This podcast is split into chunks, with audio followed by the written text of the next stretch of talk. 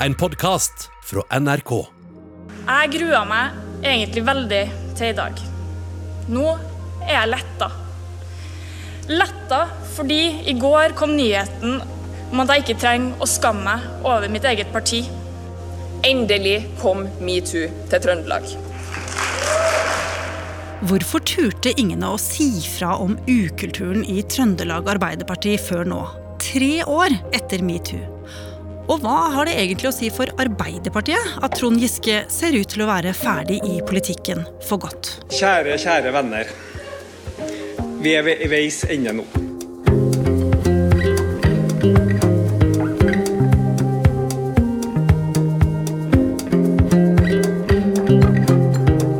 Du hører på Oppdatert. Jeg heter Ragna Nordenborg.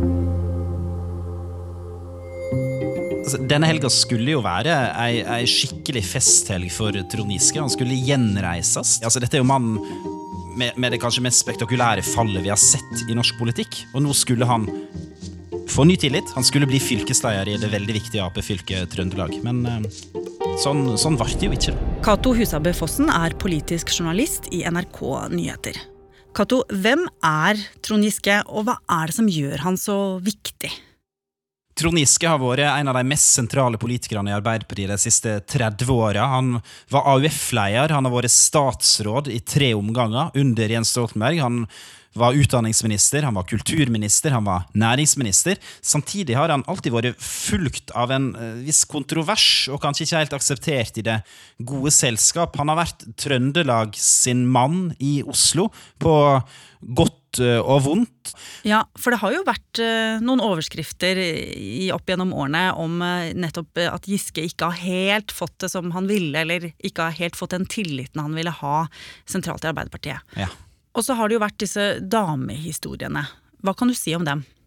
I alle år så lenge jeg har jobbet med politisk journalistikk, så har det gått rykter om Trond Giske og et utsvevende natteliv og, og damehistorier og, og, det ene og det andre. Men, men, så, da, i 2015, så blir han valgt som nestleder i Arbeiderpartiet. Og på det tidspunktet så er det ingen tvil om at mange i partiet ser på han som en framtidig statsministerkandidat og som, som sin mann i partiledelsen. Men så, i 2017, så kommer metoo til Norge, og Trond Giske blir den store symbolsaken. Ja, de siste dagene har partiet fått flere meldinger om Giskes oppførsel. Trond Giske har opptrådt på en kritikkverdig måte, sier Jonas Gahr Støre. Temaet har vært en rekke meldinger om nestleder Giskes oppførsel mot kvinner. Og Støre konfronterte sin egen nestleder med det Arbeiderpartiet selv kaller varsler til partiet. Det er vel rett før jul i 2017 at de første bekymringsmeldingene begynner å dukke opp eh, først anonymt i Dagens Næringsliv, og, og deretter så blir det rett før jula i 2017 levert formelle varsler på Trond Giske til Arbeiderpartiets partikontor. Varsler som går på eh, at folk har opplevd ubehagelige tilnærmelser, har hatt opple ubehagelige opplevelser med, med, han i partisammenheng. Eh, og dette er en snøball som begynner å rulle. og 21.12.2017 så troppa Trond Giske opp i Dagsrevyen for å kommentere disse varslene for første gang. Jeg beklager at jeg har eh, opptrådt på en måte som eh, enkeltmennesker har eh, opplevd som upassende eller ubehagelig. Det må jeg legge på min kappe. Det er min skyld. Og det er jeg veldig lei meg for. Vi har de siste dagene fått inn varsler og henvendelser om dette fra, fra enkeltpersoner. Vi har gått gjennom det. Og det har vært en øyeåpner for meg som jeg tar dypt alvorlig, og som jeg beklager, og som jeg skal lære av. Altså, dette er jo 21.12.2017, rett før jul. og det vi hører her er jo en Trond Giske som beklager at han i en del sosiale sammenhenger med mye alkohol involvert har oppført seg upassende overfor uh, kvinner i eget parti.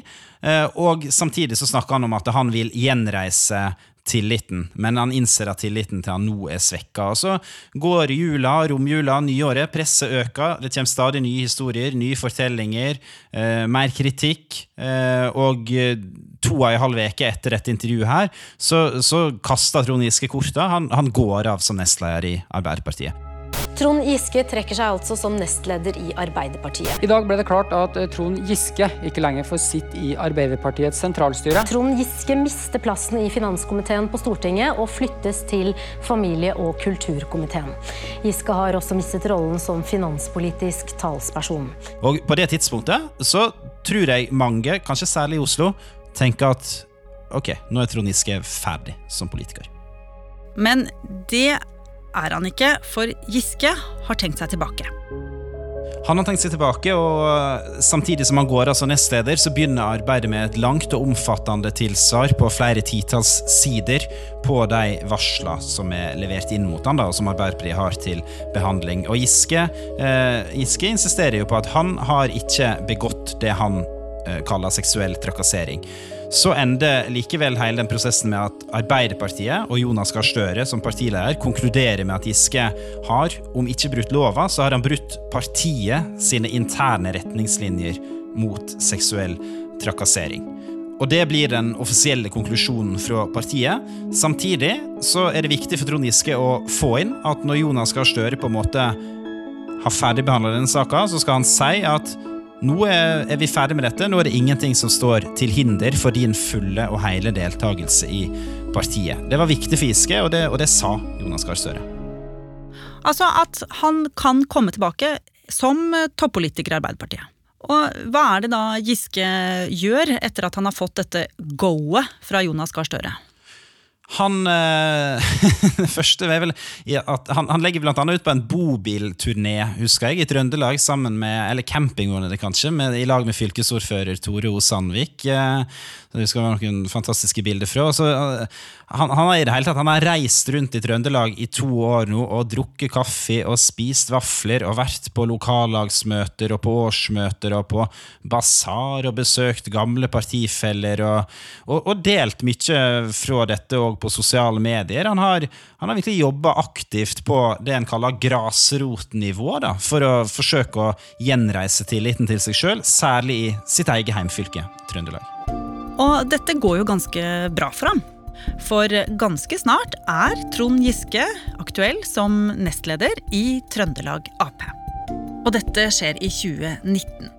Men mens komiteen setter sammen forslag til det nye styret, der Giske altså skal med, tikker det inn en SMS til lederen av valgkomiteen. Og den SMS-en skal endre alt. Der blir nemlig valgkomitélederen oppfordra til å be Giske om å trekke sitt kandidatur. Hvis han ikke gjør det, vil en fersk video bli lekket til VG.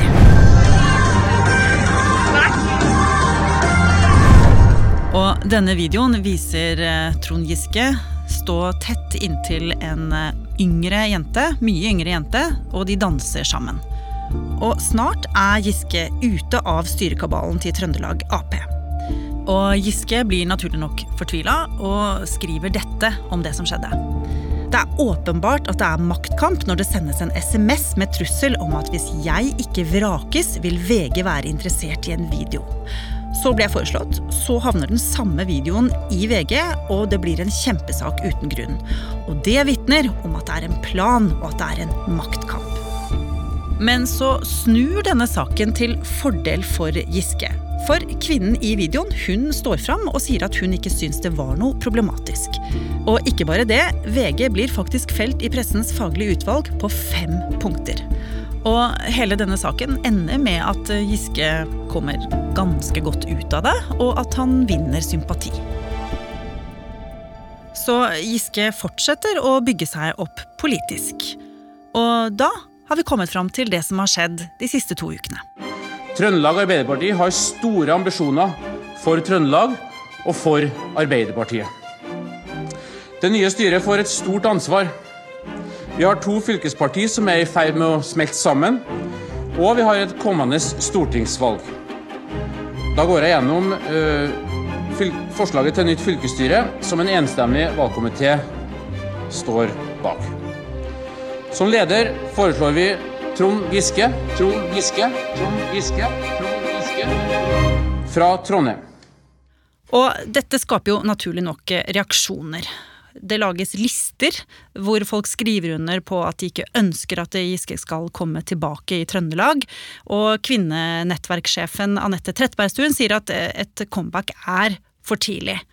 Men ledelsen i Arbeiderpartiet, Jonas Gahr Støre, sier at dette må trønderne få velge helt selv. Så det ser greit ut for Giske i et par dager, men så, på onsdag, så begynner det virkelig å skje noe ganske uventa. Ja, Da dukker det opp ei dame som heter Ellen Reitan, som har vært aktiv i AUF i Trondheim og har sittet i bystyret i Trondheim tidligere. Eh, hun, eh, hun, forteller om en ukultur i Trøndelag som handler om, eh, om både Trond Giske, men òg om flere enn han. Eh, hun skriver bl.a. en kronikk om at eh, først ba vi AUF-erne om å unngå konkrete menn i baren. Etterpå ba vi de samme AUF-erne om å velge de samme mannfolka til ledende verv. og Vi kan vel høre litt på henne kultur hvor unge damer og jenter må beskyttes fra menn med tillitsverv. Det er en kultur der alt er på premissene til dem som misbruker egen makt og posisjon. Og det er en kultur der du er ferdig hvis du sier fra. Mm. Mener du at uh, Trond Giske bør velges til leder av Trøndelag Arbeiderparti? Nei, det mener jeg at han absolutt ikke bør. Jeg mener at Trøndelag Arbeiderparti bør velge en leder som gjør det lettere å varsle, ikke vanskeligere. Og Nå roper jeg varsko om en gjennomsyrende kultur det må ryddes opp i. Og Den ryddejobben må gjøres av noen andre enn mannen som måtte gå av som nestleder nasjonalt fordi han ble funnet skyldig i seksuell trakassering. I tillegg til at han har vært den mektigste politikeren i fylket eh, i over 20 år. Og ikke bare har han ikke tatt tak i problematikken, han har vært kjernen i problemet. Ja, for hva er grunnen til at du ikke sa fra den gang da, men at du først sier fra nå? Det er fordi at det oppleves bortimot umulig. Det er fordi at dem du skal varsle til, er enten gift med, eller har vært forlover til, eller er nær venn av dem du skal varsle om.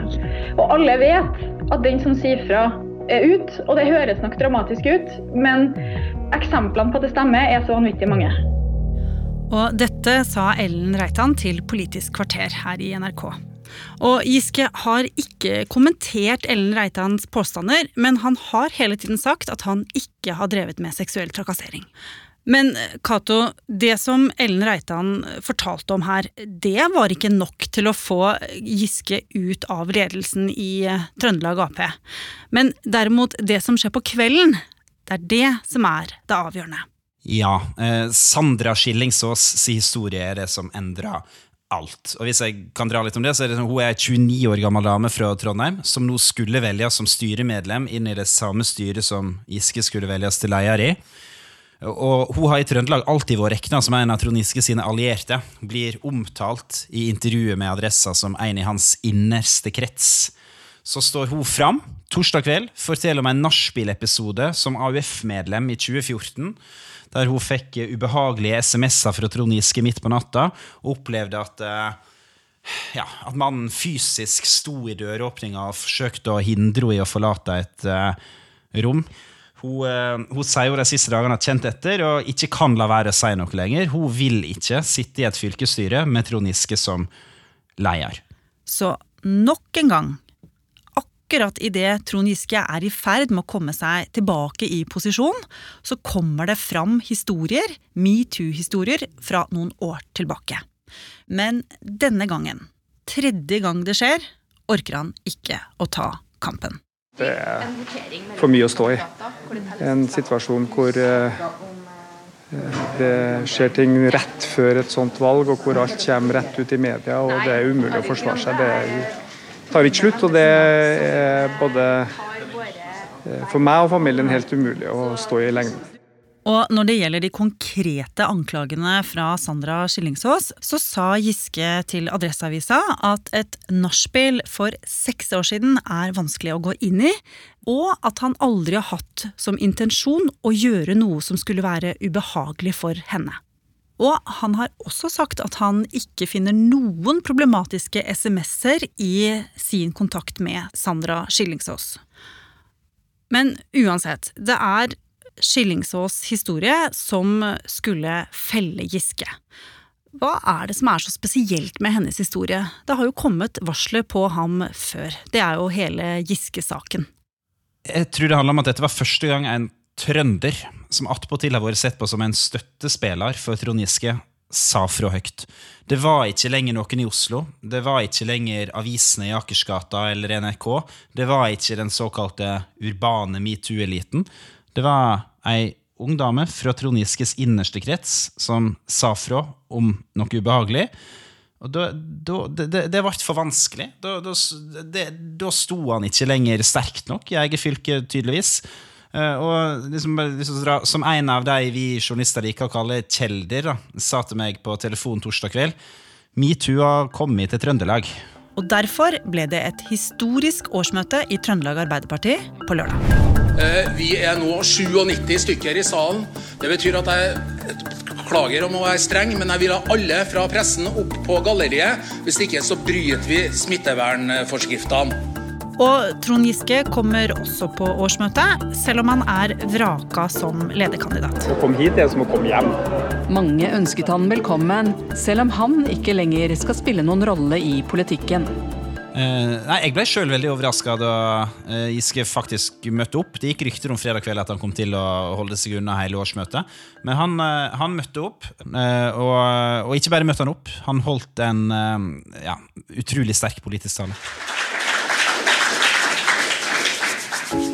Kjære, kjære venner. Først takk for alle rørende og varme meldinger. Alle oppfordringer om å stå på fra mange.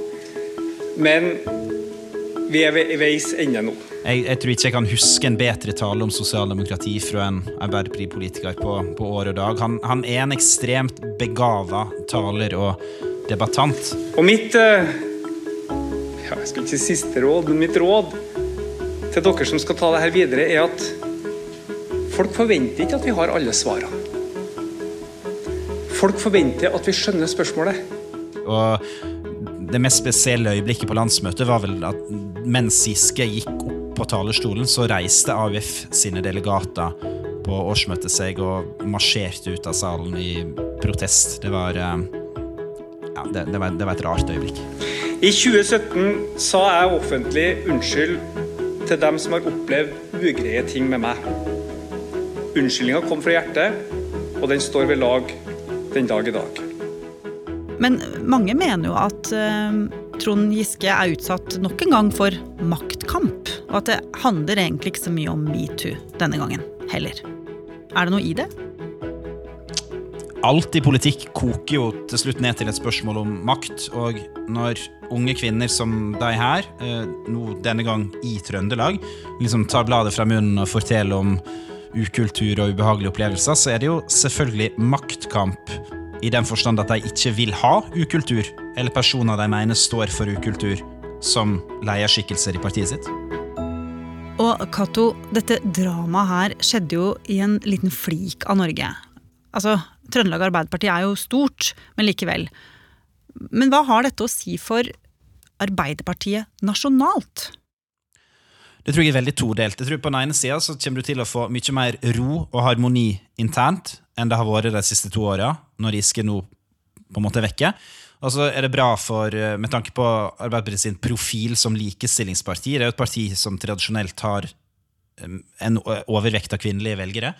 Men uh, samtidig så er det et stortingsvalg om uh, ett år, uh, og Arbeiderpartiet lekker velgere som en sil til Senterpartiet. Og det er ingen tvil om at Trond Giske, som en god opposisjonspolitiker og som en distriktenes mann, hadde vært en bra mann å sende i krigen mot Senterpartiet. Og, og tilføre kanskje partiet noe Jonas Gahr Støre og Hadia Tajik ikke gjør. Så det er jo, det er en, en dimensjon de mister her nå. Det, det er klart.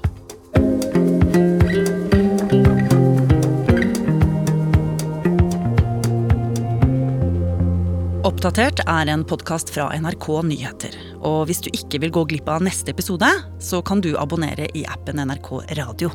Bare søk på Oppdatert, så finner du oss. Denne episoden var laget av Ida Tune Øritsland, Petter Sommer og meg, Ragna Nordenborg. Vil du kontakte oss, gjør det på oppdatert krøllalfa nrk.no.